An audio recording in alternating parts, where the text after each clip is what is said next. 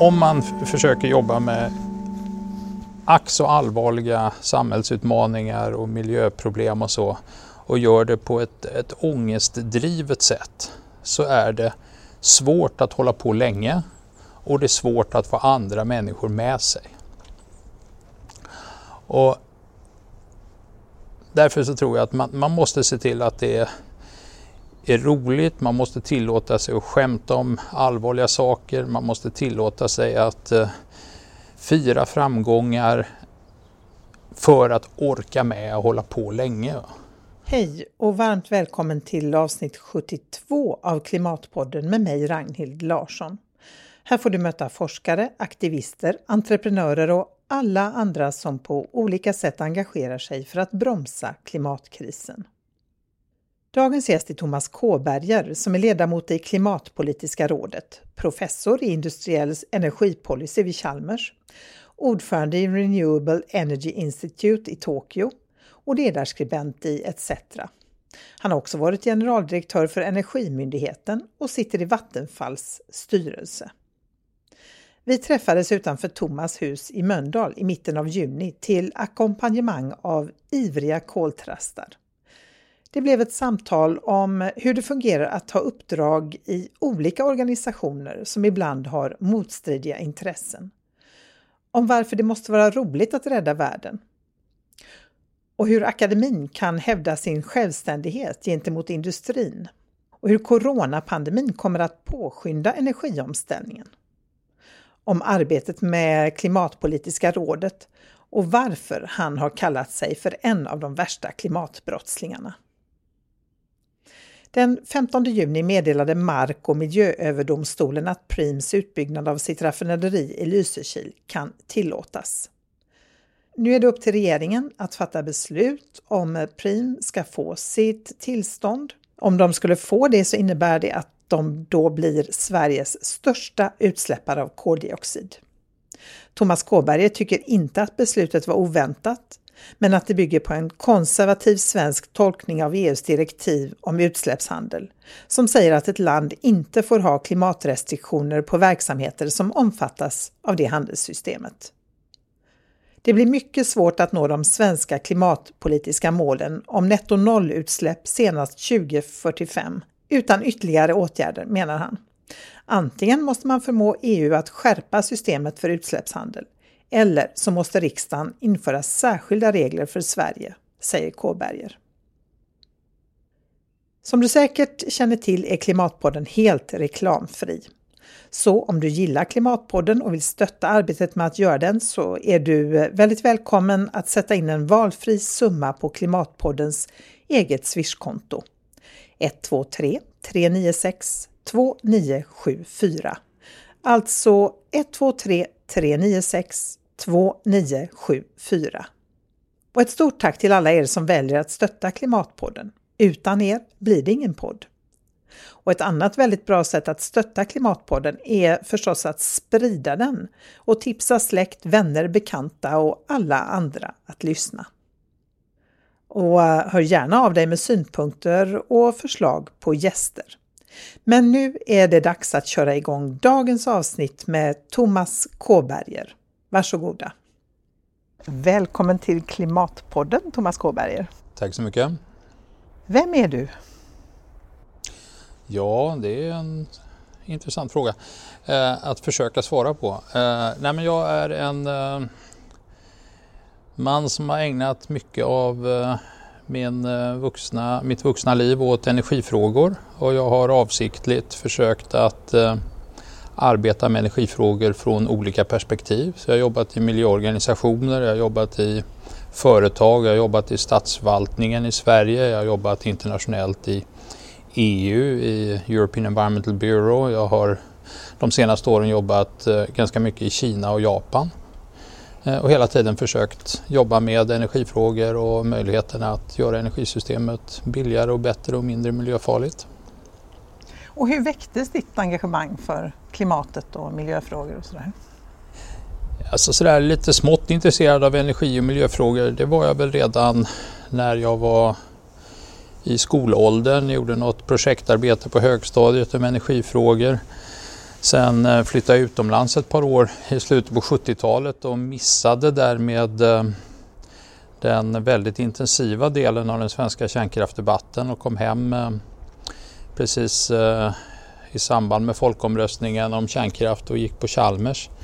Eh, var väl inte sådär jätteengagerad i, i frågorna just då men ägnade studierna åt att eh, lära mig mycket om termodynamik och energifysik och eh, eh, tyckte ju att jag såg fantastiska möjligheter att göra ett mer eh, effektivt och mindre miljöskadligt energisystem. Började som doktorand, eh, insåg att de här tekniska möjligheterna avfärdades ofta med ekonomiska argument så jag lärde mig rätt mycket ekonomi och när jag till slut fick ihop en avhandling så handlade den just om gränssnittet mellan termodynamik och ekonomi. Eh, sen när jag hade lärt mig mycket om de ekonomiska frågorna så blev det då istället en fråga om att försöka förstå varför de politiska besluten och besluten i stora energiföretag ändå blev så, i mitt tycke, ofta konstiga som de blev. Så att jag jobbade då åt Naturskyddsföreningen en period och lärde mig mycket om de politiska beslutsprocesserna och om hur eh, beslut fattades i stora energiföretag.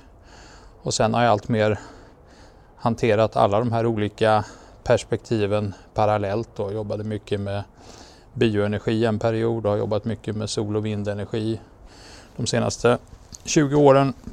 Och eh, som sagt även i statsförvaltningen. Jag var chef för Energimyndigheten i några år har suttit i flera statliga utredningar. Och sen har jag nu eh, de senaste ja, 10-15 åren också jobbat då i Kina både som rådgivare åt regeringen i samband med den förra femårsplanen och sen eh, varit gästprofessor på Zhejiang-universitetet. Och sen 2011 så är jag arbetande styrelseordförande i ett eh, energiinstitut i, i Japan också. Det låter som eh, du har väldigt fullt upp. Ja, jag har inte långtråkigt. Det har jag inte haft sedan eh, den 6 december 1978. Vad hände då? Då satt jag på en skola i, i Wales och väntade på att åka hem och jag hade ingenting att göra. Spelade kort kommer jag ihåg. I vilken roll av de här, för det är väldigt många olika roller och du har växlat mellan eh, näringsliv och forskning och sådär. I vilken av de här rollerna tycker du att du har störst möjlighet att påverka utvecklingen? Eh, det är en svår fråga att svara på av det skälet att man påverkar på olika, eh, med olika tidshorisont och på olika sätt. Och det är klart att när man sitter i en församling där man fattar beslut som eh, till exempel nu när jag sitter i Vattenfalls styrelse till exempel så kan man säga att eh, då sitter man och, och, och, och fattar beslut med omedelbara konsekvenser. Men å andra sidan så kan ju de besluten grunda sig på en eh, kunskapsutveckling och en intellektuell utveckling som har pågått i samhället i decennier. Och eh, det gör att, att man kan jobba på olika tidshorisont och med olika direkt beslutsfattande. Och, och, forskning är ju någonting som, som kan ha påverkan på väldigt lång sikt. Så det är svårt att säga vad som är viktigast men allt, allt bidrar. Mm. Och ibland har du haft uppdrag i olika organisationer med motsatt syn i en fråga. Eh, jag läste någonstans till exempel att du var vice ordförande i Naturskyddsföreningen som ville skydda torvmossar och behålla ja. kolet i marken och samtidigt satt du i styrelsen för Bioenergiföreningen som var ja. Eh, för fortsatt användning ja. av torv som bränsle. Hur funkar det att ha de här ibland dubbla rollerna då? Ja, man måste ju lära sig att veta i vilken roll man agerar och eh, att man kan eh, eh, faktiskt genom att, att vara med om en sån upplevelse som, som just den här torvdiskussionen så blir man ju också väldigt duktig på att förstå bevekelsegrunder och argument ur olika perspektiv. Och jag kommer ihåg just i samband med den episoden så höll jag en föreläsning om torv på Chalmers och eh, jag lyckades prata om torv i två timmar.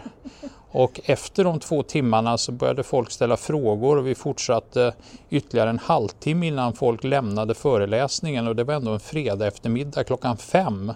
Och då insåg jag att ja, men det här är kanske väldigt eh, eh, sällsynt intressant att man faktiskt kan sätta sig in i en fråga ur olika perspektiv, förstå och penetrera de olika argumenten och inse att de är inte, att det är inte en enkel eh, fråga som man eh, kan eller ens bör ha en kategorisk synpunkt om. För det finns olika eh, argument eh, som, som är svåra att väga mot varandra. Alltså. Och, och, där man måste göra en avvägning till slut och olika personer kan komma till olika slutsats. Men att alla argumenteringar är ändå respektabla och värda att, eh, att ta på allvar.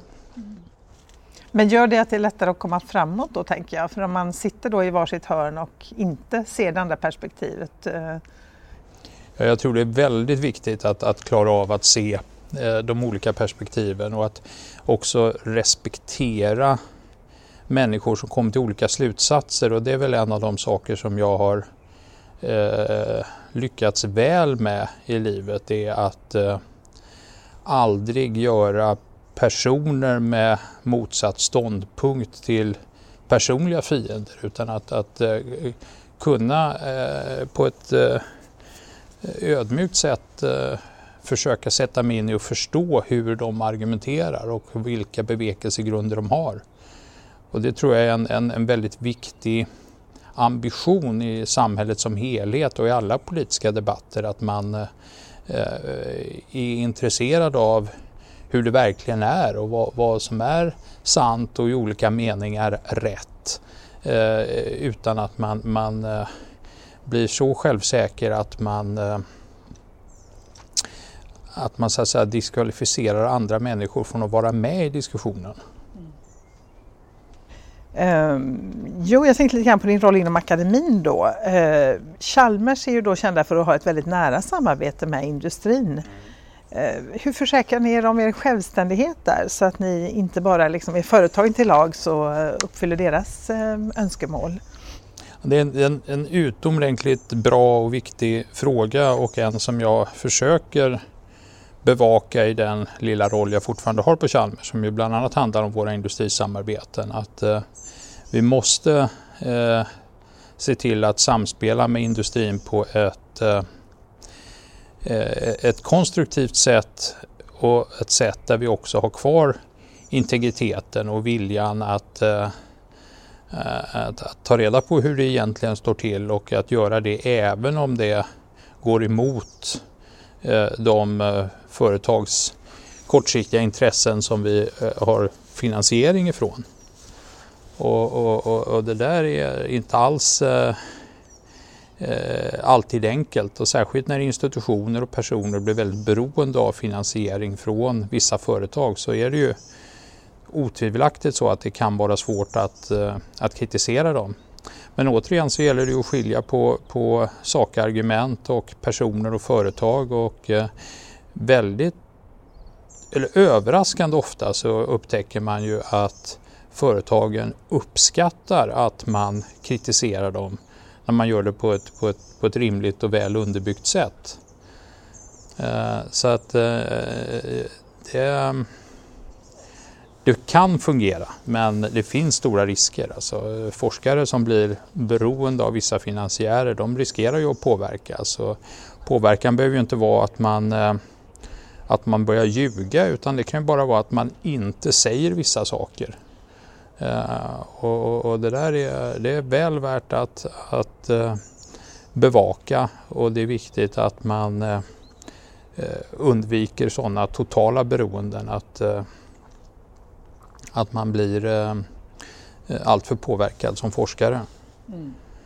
Men eh, det är också så att duktiga forskare brukar inte ha problem med finansieringen och därmed står de också över den, eh, eh, den effekten. Men alla har inte nått den positionen och det är särskilt viktigt när man utbildar doktorander till exempel att man ser till att de har, en, har förutsättningar att bibehålla integriteten. Mm.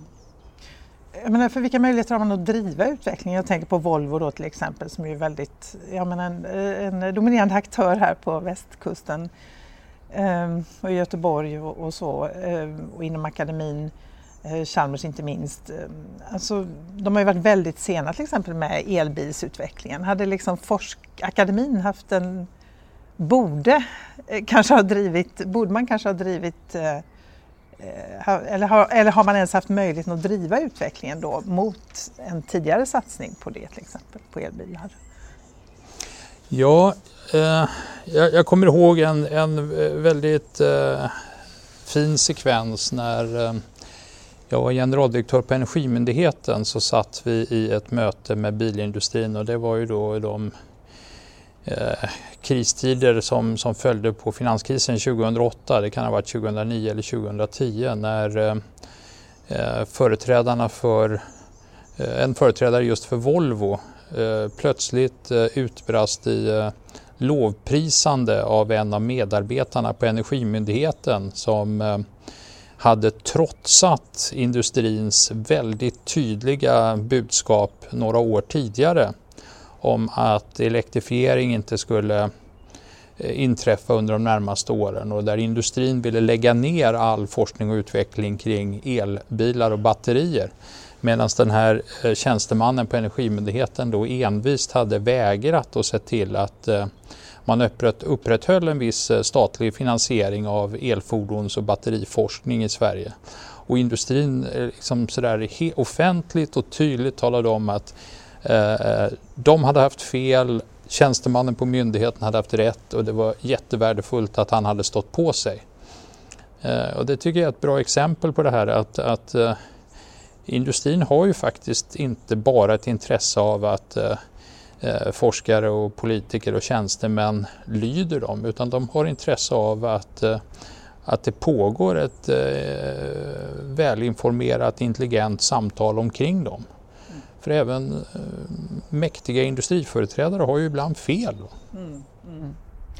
Just det, och är beroende av, av, eh, regler och styrning tänker jag också, vilket ju ofta efterfrågas ja. från näringslivet. Att ja, vi vill veta vad som gäller. Ja, regler och styrning. Eh, men alltså just det här att det är ett, ett, ett, en bra vetenskaplig, alltså saklig argumenterande diskussion i samhället är väldigt viktigt för att samhället inte ska gå fel. Då gå åt fel håll, ta felaktiga beslut. Det är katastrofalt om man fattar många felaktiga beslut. Och, och, och det är ju fördelen med eh, demokratin som styrelseform och med eh, eh, den vetenskapliga metodiken som sätt att, att etablera sanningar och så. Det är just det här att man, man tillåter och har ett, ett, ett, ett levande samtal och att man respekterar att det finns olika uppfattningar. Ja, det låter rimligt. Du har också sagt att det är viktigt att ha roligt när man ska rädda världen. Absolut. Varför det? På vilket sätt? Därför att om man försöker jobba med ack så allvarliga samhällsutmaningar och miljöproblem och så och gör det på ett, ett ångestdrivet sätt så är det svårt att hålla på länge och det är svårt att få andra människor med sig. Och därför så tror jag att man, man måste se till att det är, är roligt, man måste tillåta sig att skämta om allvarliga saker, man måste tillåta sig att eh, fira framgångar för att orka med och hålla på länge. Och jag har ju sett många människor under, under mina år i, i energisektorn som har kommit väldigt engagerade och bränt ut sig på något år eller några få år och sen har de inte orkat fortsätta. Eh, och, och, och, det har berott på att de, de, har varit så fixerade vid något som är ett väldigt allvarligt problem. De har inte brytt sig om att andra ska ha trevligt och därmed inte fått trevligt själv och liksom inte tillåtit sig att ha roligt och, och, och, då orkar man inte. Och jag tänkte jag skulle orka och det har jag gjort rätt länge. Ja, det är ju inte en fråga som är kanske löst om en vecka så det gäller ju att, eh, att, eh, att ha energi att hålla på. Mm. Verkligen. Um, men alltså en fråga som jag undrar väldigt mycket, eller har funderat väldigt mycket över, det är det här vi har all kunskap, vi har haft den väldigt länge, vi vet tillräckligt. Uh, varför gör vi då så lite? Varför gör våra politiker och andra beslutsfattare så lite åt den här frågan? Ja, alltså... Eh, ehm, så lite eller så mycket. Alltså det, det, det, har ju skett de senaste åren väldigt stora framsteg som har gjort att vi nu har bättre möjligheter att undvika risken för ohanterliga klimatförändringar än vi, vi någonsin har haft förut.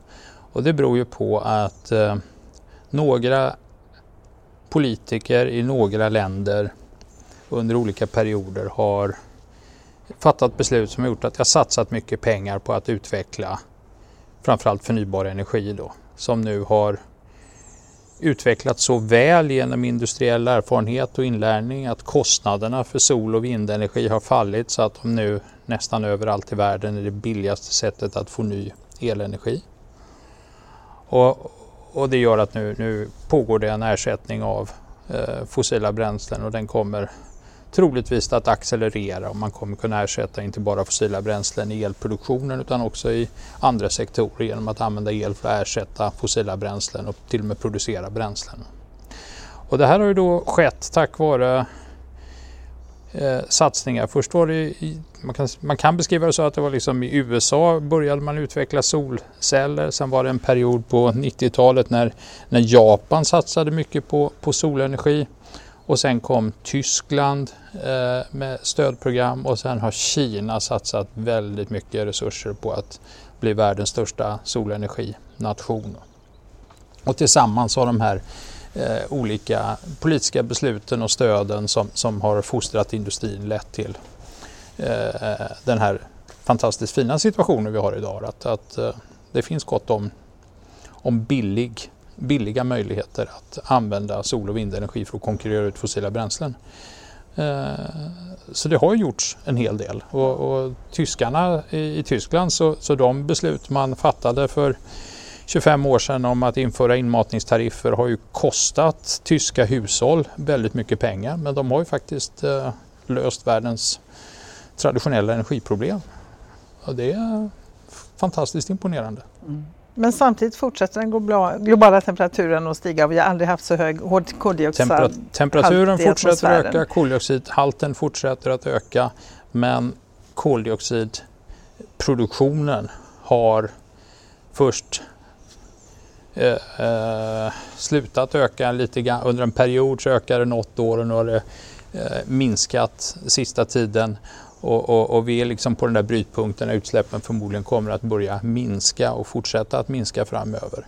Och då gäller det bara att, eh, att se till att det här går tillräckligt fort då för att man ska undvika de här riskerna för klimatförändringar som är så snabba att samhället inte klarar av att hantera dem. Mm. Och vi, ja, så vi har egentligen då alla möjligheter. Ja, vi har inte alla möjligheter men vi har goda möjligheter och, och möjligheterna betyder inte att det kommer att gå utan det krävs Nej. fortfarande eh, stora ansträngningar och att många snabbt lär sig förstå möjligheterna och börjar använda dem. Vad är det viktigaste som måste hända då för att det ska ske? Alltså, det, det är en, monumental, eh, alltså väldigt stor utmaning att eh, minska användningen av fossila bränslen tillräckligt snabbt. Och jag har varit inblandad i en liten debatt eh, med, med några andra internationella experter och företrädare för förnybar energi under senaste veckorna om just det här hur, hur, hur ska det ske? Kan det ske genom att eh, hushåll, individer, kooperativ och lokala grupper bygger ut sol och vindenergi? Eller måste vi förlita oss på att eh, de stora energiföretagen och oljeindustrin ställer om och ändrar sina investeringar? Och min ståndpunkt i den diskussionen har varit att eh, vi kommer absolut att behöva både och. Därför att storleksordningen på de investeringar som krävs under de kommande 20 åren i världen, de är så stora så att hushållen har inte de investeringsmöjligheterna. Utan de eh, med dagens strukturer i alla fall som, som kan göra investeringarna, det är de stora energiföretagen och det är världens pensionsfonder som måste eh, investera i den här riktningen. Försäkringsbolag och pensionsfonder står ju för en väldigt stor del av den här typen av, av investeringar. Så att eh, Eh, det kommer krävas att, att hushåll gör investeringar, att småföretag, kooperativ och alla som kan gör investeringar och att de stora traditionella kapitalförvaltarna i världen ändrar riktningen på sina investeringar. Och, um, kommer det att ske tror du? Ja, det är svårt att säga om det kommer att ske men det kan ske och det bör ske och uh, vi får väl försöka hjälpas åt att se till att det händer. Ja, alternativet är väldigt tråkigt. Så att... Ja, förmodligen. Ja. Alltså, det är i alla fall en väldigt stor risk att det är, det är tråkigt. Mm. Och det, det, där eh, liksom språkbruket här det, det, det, anknyter också till, till den här frågan om, om liksom olika ståndpunkter och så. Alltså att, eh, diskussionen med de som, som då ofta betecknas som klimatförnekare eller något dylikt. Eh, den, den, den är ju eh, svårhanterad därför att det är ju inte bara de som kallas klimatförnekare som tar i för mycket i diskussionen utan också när det gäller att, att, att formulera sig om eh, klimatvetenskapens slutsatser så, så, bör man vara lite ödmjuk därför att det är väldigt svårt att med traditionell vetenskaplig bevisföring bevisa att eh, ökad koldioxidhalt kommer leda till det ena eller det andra. Därför att det här är ett stort komplicerat system och eh, de modeller man använder kan man ju inte testa. För, för det här globala systemet utvecklas eh, eh, långsamt och med många samverkande faktorer så att man, man bör ha en viss ödmjukhet, särskilt när det gäller kvantifieringar, att säga exakt hur många grader upp och ner och hur klimatmönstren kommer att förändras så går det inte att vara så självsäker. Utan ödmjukhet är bra men det är ändå så att de risker som finns för att klimatförändringarna blir så stora att de kommer ställa till enorma sociala problem i världen, de är så stora att vi bör anstränga oss för att undvika dem. Mm. Så det vi vet är ändå tillräckligt liksom, för att ja. faktiskt göra allt vi kan? Ja, alltså de, de, de risker vi ser är tillräckligt förskräckliga för att vi ska undvika dem. Mm. Mm. Men tycker du att det förekommer mycket överdrifter helt enkelt? Alltså där man utmålar skräckscenarier? Mm. Alltså om man påstår att skräckscenarierna är säkra så är det överdrifter. Om man som de flesta just när de beskriver scenarier säger att detta skulle kunna hända så kan det vara eh, väldigt bra att, att göra just den typen av scenarier. Mm. Jag var 1989, och det är alltså rätt länge sedan, eh, så var jag på en klimatkonferens i Hamburg. Eh, och det var en av de allra första klimatkonferenserna. Det var då när eh, frågan hade kommit upp på den internationella agendan därför att till och med Ronald Reagan blev klimatengagerad när ett scenario som han fick beskrivet för sig talade om att med global uppvärmning så skulle livsmedelsproduktionen på de centrala delarna av den nordamerikanska kontinenten minska. Det skulle bli för torrt där. Eh, och USA är ju en stormakt inte bara därför att man har mest kärnvapen i världen utan också därför att man eh, kontrollerar mycket av världens jordbruksöverskott. Och eh, när USA då hade något år när man inte klarade av ens det egna behovet så, så såg man plötsligt att det här var geopolitiskt viktigt. Det var viktigt för maktbalansen i världen. Och då började det bli eh, diverse eh, konferenser och så i världen. Och efter den här konferensen så gjordes en, en undersökning bland det som då var klimatforskare i världen. Och eh, vi som då hade varit på konferensen ingick och eh, vi svarade på enkäter och så fick vi se resultaten och resultaten var väldigt tydliga. De sa att eh, eh alla höll med om att koldioxid var en växthusgas. Alla höll med om att eh, tendensen borde vara att, att det höjde medeltemperaturen i världen.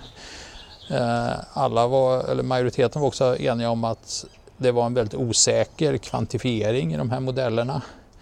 Eh, alla var överens om att det kunde betyda att vi fick eh, väldigt eh, snabba och dramatiska förändringar av klimatmönstren och att det kunde ha enorma konsekvenser och att man då trots den stora osäkerheten i förutsägelseförmågan i modellerna borde göra stora ansträngningar för att undvika det.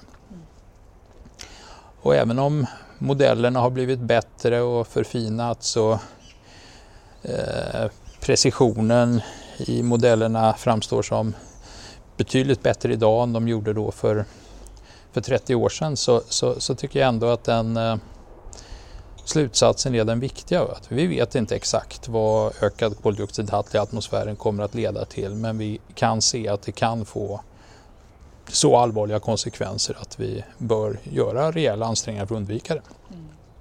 Men alltså redan då eh, visste man väldigt mycket helt enkelt, tillräckligt egentligen för att agera och varför har vi då inte gjort det? Alltså det framstår ju som helt obegripligt och så vet man ju nu att väldigt många stora fossilföretag har ju också satsat mycket på lobbying för att ja, förneka eh, klimatkrisen.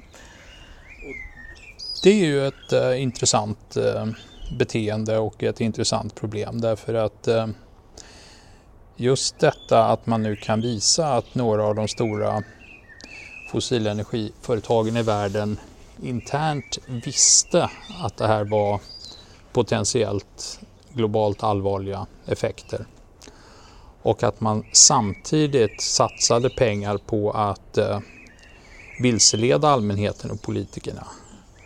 Eh, det är ju ett beteende som i många juridiska filosofier skulle vara rejält brottsligt. Man har gjort det för att eh, gynna sina egna ekonomiska intressen på andras bekostnad. Så har man ljugit och lurats.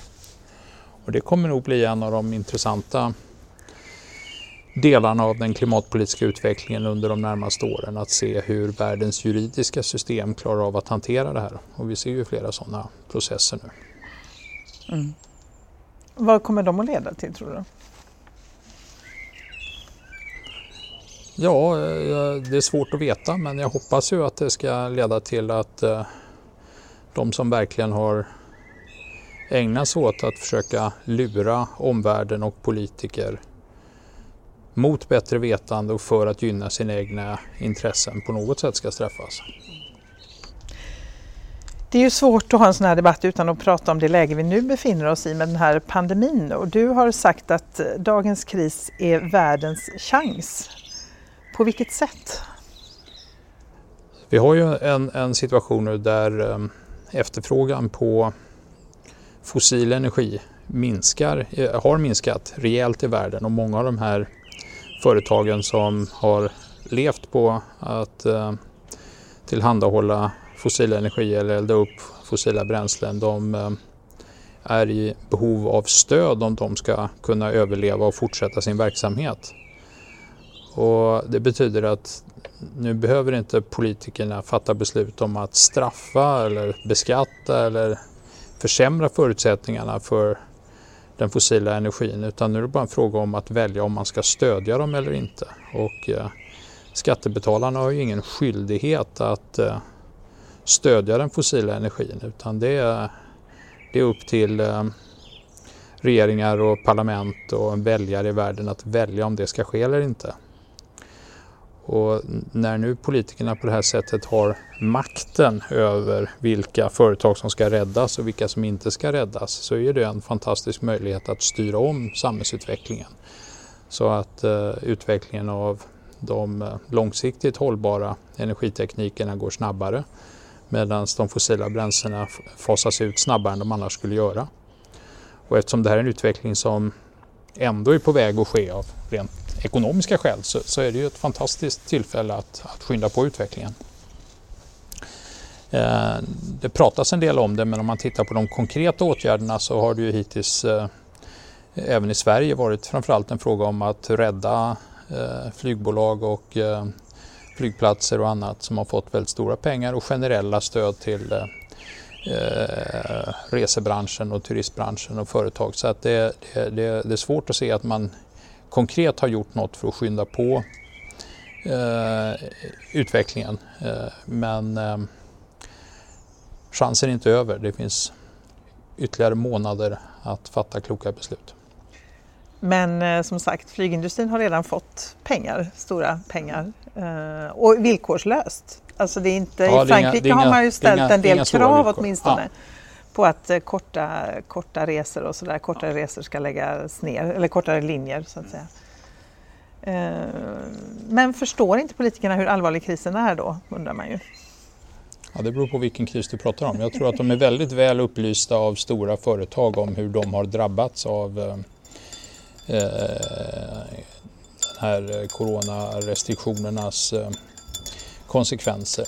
Ja. Eh, så att de har det varit hotade och skrikit tydligt. Men klimatkrisen måste de ju ändå vara medvetna om. Det är väl ändå deras skyldighet? Ja, men där har det hänt lite än så länge. Ja.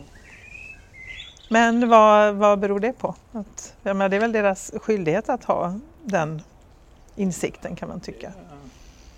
Det kommer ju i slutändan bero på vad de förväntar sig av, av väljarna. Mm. Och um, det... Um...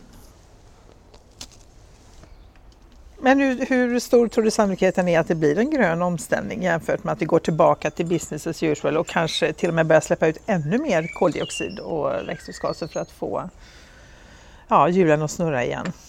Jag vet inte, det beror ju på oss. Vad kan vi göra då? Kortsiktigt prata om det och ifrågasätta alla beslut som går i en annan riktning. Att försöka vara konkret och berätta vad man skulle kunna göra i positiv riktning. Och eh, på lite längre sikt eh, se till att beskriva vad som verkligen har gjorts och eh, demokratiska länder ställa företagen till svars. Mm. Eller ställa, förlåt, ställa politikerna till svars och, och se till att använda möjligheten i kommande val.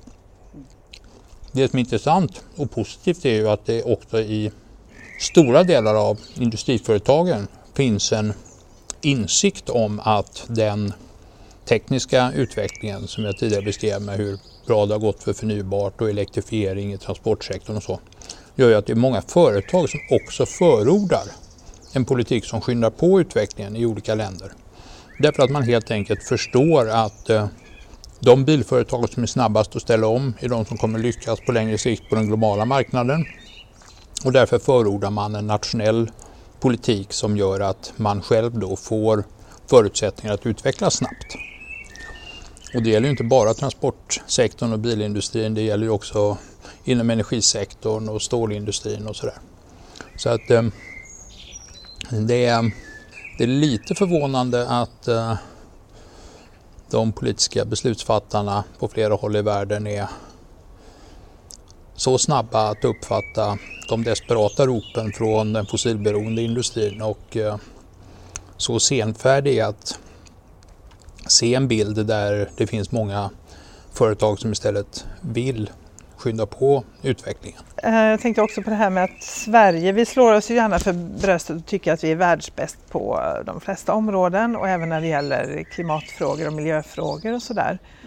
Eh, hur ser du på det? Men du har ju ändå sett hur eh, man jobbar i ganska många olika länder och så. Hur, hur bra är vi? Nej, vi är väl inte sämst och inte heller generellt bäst. Eh, vi har varit duktiga på en del saker. Jag tror att den svenska politiken med energi och miljöskatter har varit en bra utvecklingskraft som har varit ekonomiskt effektiv. Vi har som en följd av det också varit duktiga på att integrera eh, en del eh, jag tycker att vår, vårt sätt att hantera avfall och biprodukter från skogs och jordbruket för att utvinna el och värme har varit ett väldigt effektivt sätt att ersätta fossila bränslen som har blivit effektivare än vad vi trodde den skulle kunna vara. Därför att vi istället för att stödja förutbestämda metoder så gav vi ekonomiska styrmedel genom koldioxidskatt och energi och miljöskatter som gjorde att, att eh, en massa kreativa aktörer såg till att hitta lösningar som var bättre än någon centralplanerare kunde förutse innan dess. Det tycker jag är ett område som vi kan vara stolta och nöjda över. Men när det gäller industriell utveckling så har vi varit dåliga att ta tillvara de möjligheter som har funnits.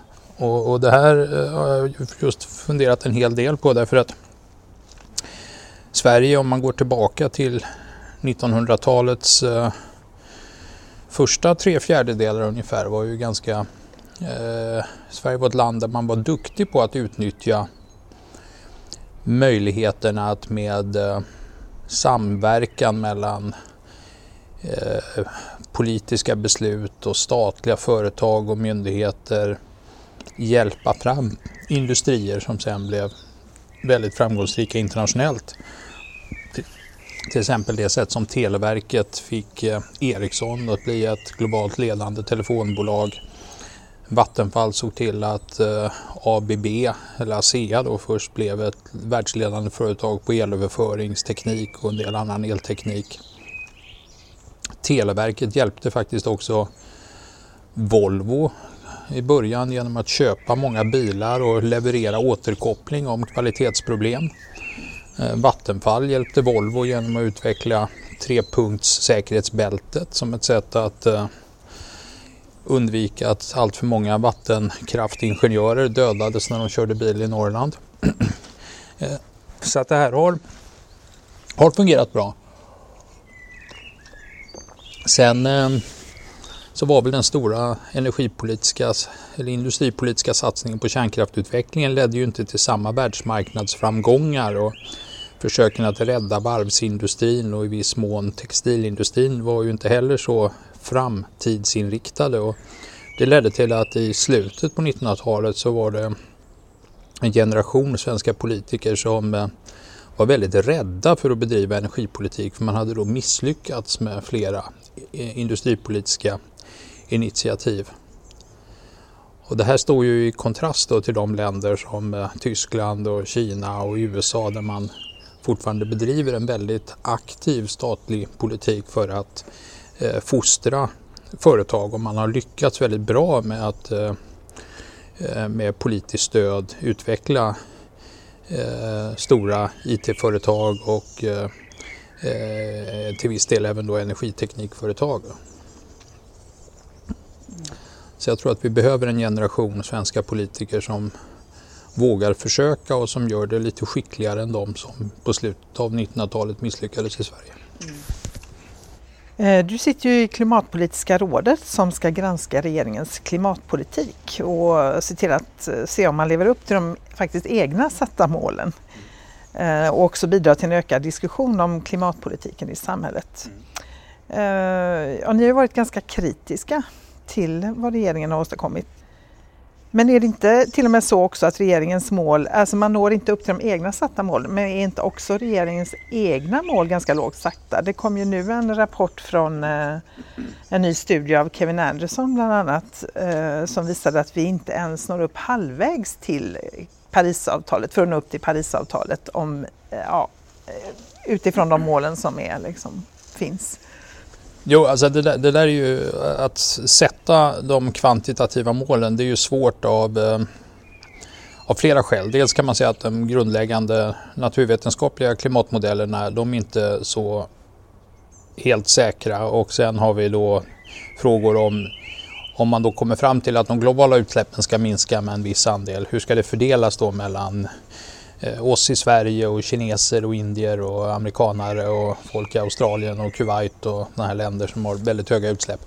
Eh, och det är ju inte någon enkel vetenskap och det är ju inte heller klimatpolitiska rådets uppgift att eh, recensera eller bedöma målen utan vår, vår, uppgift är ju att se om, de, om den politik som regeringen totalt sett bedriver Eh, Eh, är tillräcklig för att nå de mål som riksdagen har beslutat om.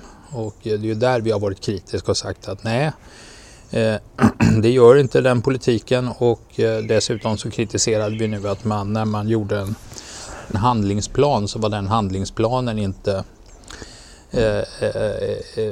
så lätt att utvärdera eftersom man faktiskt inte ens beskrev vad man förväntade sig att olika åtgärder skulle leda till. Och där tycker vi att man kan vara att man kan ställa högre krav på regeringen med utgångspunkt av, av det klimatpolitiska ramverket.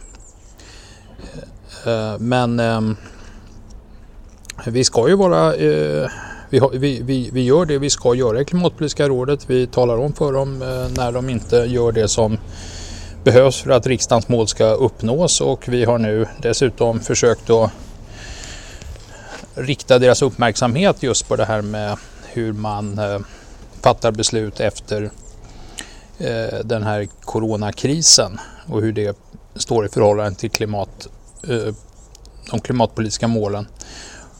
Och det är ju helt enkelt därför att vårt uppdrag är att granska den samlade politiken. Vi, tittar inte bara, vi ska inte bara titta på koldioxidskatter och miljölagstiftning utan vi ska se hur den samlade politiken bidrar.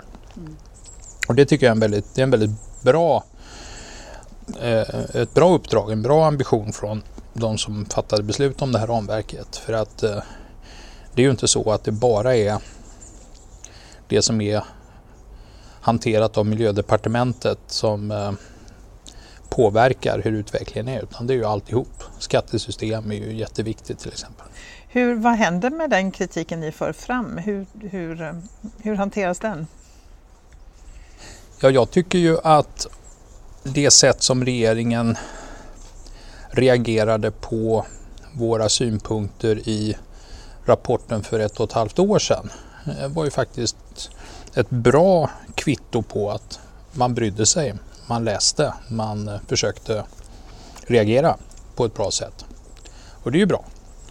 Och, och det beror naturligtvis också på att det inte bara är tjänstemännen som läser våra rapporter och synpunkter utan eh, våra rapporter läses ju av väldigt många andra som då naturligtvis hjälper oss att se om, om, eh, om regeringen bryr sig om de här frågorna. Eh, och återigen, det är ju det som i slutändan är viktiga. Klimatpolitiska rådet vore ju ingenting om vi inte hade bra argument och en uppbackning från medier och, och miljöorganisationer och väljare och i vissa fall också industrin då som ser att det här är viktiga möjligheter att utnyttja. Vi pratar mycket om en grön omställning och ibland låter det som att om vi bara ersätter allt fossilt med förnybart så är det löst. Liksom. Men hur ser du på, behöver vi inte ändra eh, systemet totalt för att kunna hantera klimatförändringarna? Ja, det skulle väl vara onödigt dyrt och besvärligt om man försökte lösa alltihop genom att bara ersätta fossila bränslen med förnybar energi på olika sätt. Utan eh, det finns väldigt mycket annat som, som kan hjälpa till att göra det billigare och enklare. Så att eh, det är absolut, återigen, en kombination av flera olika saker som behövs. Eh, däremot så tycker jag inte så bra om de som hävda motsatsen, nämligen att eh, det här med att ersätta fossila bränslen inte är viktigt utan vi ska bara lösa det genom eh, självuppoffring. För det tror jag aldrig kommer att få en majoritet av världens medborgare Hur menar sig. du då? Alltså... Nej, men att man, man ser det som en, en övning i asketiskt leverne som lösning på alla problemen. Det tror jag inte kommer att funka. Det, det går inte att, att, få den generation kineser som eh, har upptäckt att det går att leva ett betydligt bättre liv eh, och har kommit ut ur fattigdom att eh, se lösningen i att gå tillbaka till hur det var förut. Eh, och det, det, som, det som behövs är ju en, en, en god kombination av att utnyttja tekniska möjligheter och att ändra eh, vårt sätt att, att, eh, att efterfråga olika saker och vårt sätt att leva. Mm. Och, och, och, jag är ju optimistisk när det gäller eh, den här eh, pandemikrisens konsekvenser att eh, en av de saker som väldigt många av oss har tränat flitigt på är ju att använda digitala möten. Att eh, ifrågasätta resor och, och, och, och att eh, använda nya eh, jag får lite nya prioriteringar i, i livet på ett sätt som passar väldigt bra ihop med minskad fossilbränsleanvändning. Och även om det blir fullt tillåtet att resa igen så är jag rätt säker på att eh, användningen av eh, eh digitala datoriserade mötesformer för att slippa resa, det är någonting vi kommer att göra väldigt mycket mer. Eh, och eh, vi kommer att ha ett annat fokus när det gäller livsmedelsförsörjning och sånt där som, som grundar sig på en kombination av erfarenheter och en ökad medvetenhet om att eh, det finns risker med det globaliserade samhället som kommer göra att vi blir mer intresserade av att hitta lokala försörjningskedjor både för mat och textilier och, och, och tekniska produkter och så. Så att eh, det har varit en bra en bra träning. Ja, och man kanske inser vad som är viktigt på riktigt. Ja. Liksom. Mm. Mm. Eh, vad är det som driver dig att hålla på? Du är väldigt, väldigt aktiv på väldigt många olika fronter och sådär. Vad, vad ger dig, vad är din drivkraft? Vad är det som får dig att gå upp på morgonen och fortsätta? Det var ju som vi pratade innan, du citerade mitt eh, valspråk om att det måste vara roligt att rädda världen för annars går det inte. Och en annan sak jag brukar säga är att vi ska att jag har försökt att rädda världen, ha kul och om möjligt tjäna pengar. Och eh, poängen är väl att de som försöker tjäna pengar utan att ha kul eller rädda världen, de brukar ofta misslyckas. Inte alltid, men ganska ofta. Eh, och om man försöker rädda världen utan att ha kul så går det som jag sa sällan riktigt bra. Man blir inte uthållig och man får inte med sig andra. Eh, om man bara försöker ha roligt och flamsa så blir det säkert inte så lyckat heller. Utan det är just den där turordningen, alltså man ska göra sånt som, som är bra för världen, för alla, inte bara för sig själv. Eh, när man gör det ska man försöka ha roligt och se till att andra har det roligt och trevligt också runt omkring en. Och sen eh, så för att eh, det ska fungera så ska det också fungera ihop med det ekonomiska systemet. Man ska behöver tjäna pengar för att få det inflytande som pengar ger till nya investeringar och så i företag och i, världen i stort. Eh, men det är alltid viktigt att ha den prioriteringen. Och det, det är ju många som har tänkt i liknande banor. Jag vet Henry Ford, han som utvecklade bilindustrin i början på 1900-talet. Han skilde ju alltid på industrialister och krämare genom att säga att industrialister var de som försökte göra någonting som var bra för samhället och hade man bara en rimlig politisk styrning så skulle det också bli lönsamt. Medan krämarna det var de som bara fixerade sig vid att tjäna pengar till varje pris och eh, de tyckte han då illa om och eh, eh hoppades att de skulle misslyckas och att det politiska systemet skulle se till att det inte lönade sig. Eh, så att den där prioriteringen, prioriteringsordningen är viktig. Jag kan inte heller låta bli att ta upp ett annat citat där du, i, som jag läste i någon artikel där du kallar dig för en av världens största klimatbrottslingar. Som fick mig att studsa till lite. Varför ja, gör du men, det? Men, uh, jag är inte säker på att brottslingar var, var, var, ett bra ordval men alltså jag är ju medveten om att jag under den här perioden när jag har jobbat mycket i Asien så har jag ju flugit så pass mycket så att det är väldigt få i världen som eh, har ansvar för större utsläpp av växthusgaser än vad jag hade under den perioden. Och eh, det eh, finns ju bland de som eh, befinner sig i den klass som flyger mycket och, och orsakar stora utsläpp och där ingår ju väldigt många av världens klimatforskare och klimatpolitiker. Eh, Sen finns det ju de som sådär omedelbart försöker börja förklara vilken oerhörd nytta de gör på andra sätt och att eh, det rättfärdigas utsläpp och så. Men jag, jag är ju väldigt medveten om att eh, det är väldigt svårt att säga att det faktiskt eh, är säkert att det är så. Det kan ju hända att eh, de här utsläppen är förgäves så att säga, att man inte lyckas åstadkomma några eh, åtgärder som rättfärdigar utsläppen. Så att det där är, det är ett dilemma för många av oss. Och det finns ju de som Kevin Anderson som har dragit konsekvenserna och helt slutat flyga. Mm, Han tillhör ju ett Greta, fåtal. Greta Thunberg Greta. kämpar tappert också. Alltså, jag tycker det är väldigt imponerande. Jag, jag, jag, jag Ja, jag tycker det är, det är, imponerande och jag är medveten om denna svaghet i min eh, livsföring. Men som sagt, senaste månaderna så har jag inte varit någon så stor klimatbrottsling. Du, till sist så skulle jag vilja fråga dig eh, hur din vision ser ut av ett omställt samhälle som där vi lever i samklang med biosfären. Har du någon sån bild? Stort eller smått? Ja, jag, jag jag tror att det, det, är, man ska akta sig för de där eh, utopibeskrivningarna som är eh, slutgiltiga. Eh, därför att även i ett på många sätt hållbart samhälle så ska det ju pågå utveckling. Och det betyder att, att förutse exakt hur, hur, hur världen skall vara eller bör vara och sådär, det tycker jag är, det är inte så meningsfullt utan det man kan göra är ju att ha små preliminära utopier eller små beskrivningar av hur saker kan fungera som är önskvärda.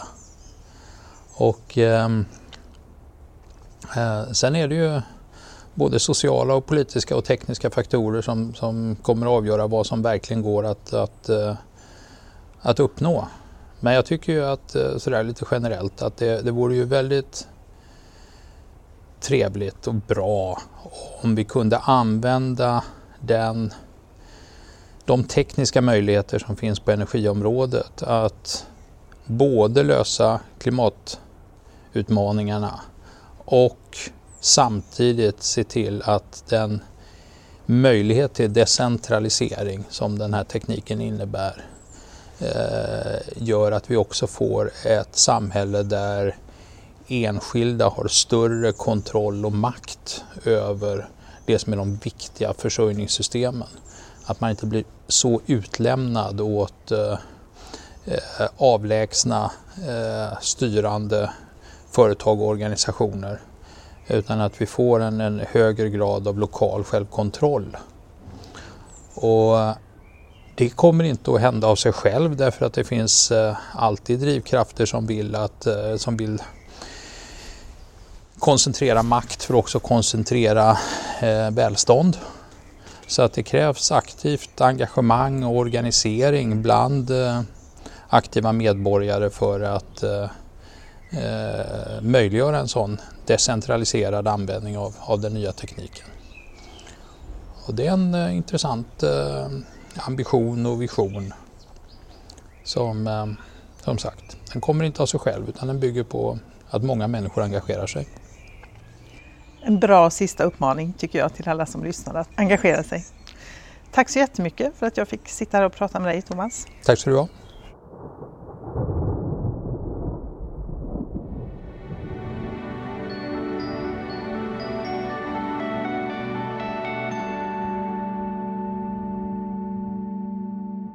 Du har lyssnat på Klimatpodden som produceras av Konvoj Produktion. Gäst i dagens avsnitt var Thomas Kåberger. Du hittar mer information om Klimatpodden och dagens avsnitt på hemsidan klimatpodden.se. Klimatpodden finns på alla ställen där poddar finns och du kan följa podden på Twitter och Facebook. Signaturmelodin är skapad av Tommy Kaså och loggan till Klimatpodden gjord av Hannes Larsson. Om du vill stötta arbetet med podden är du välkommen att swisha valfri summa till 123 396 2974. Alltså 123 396 2974.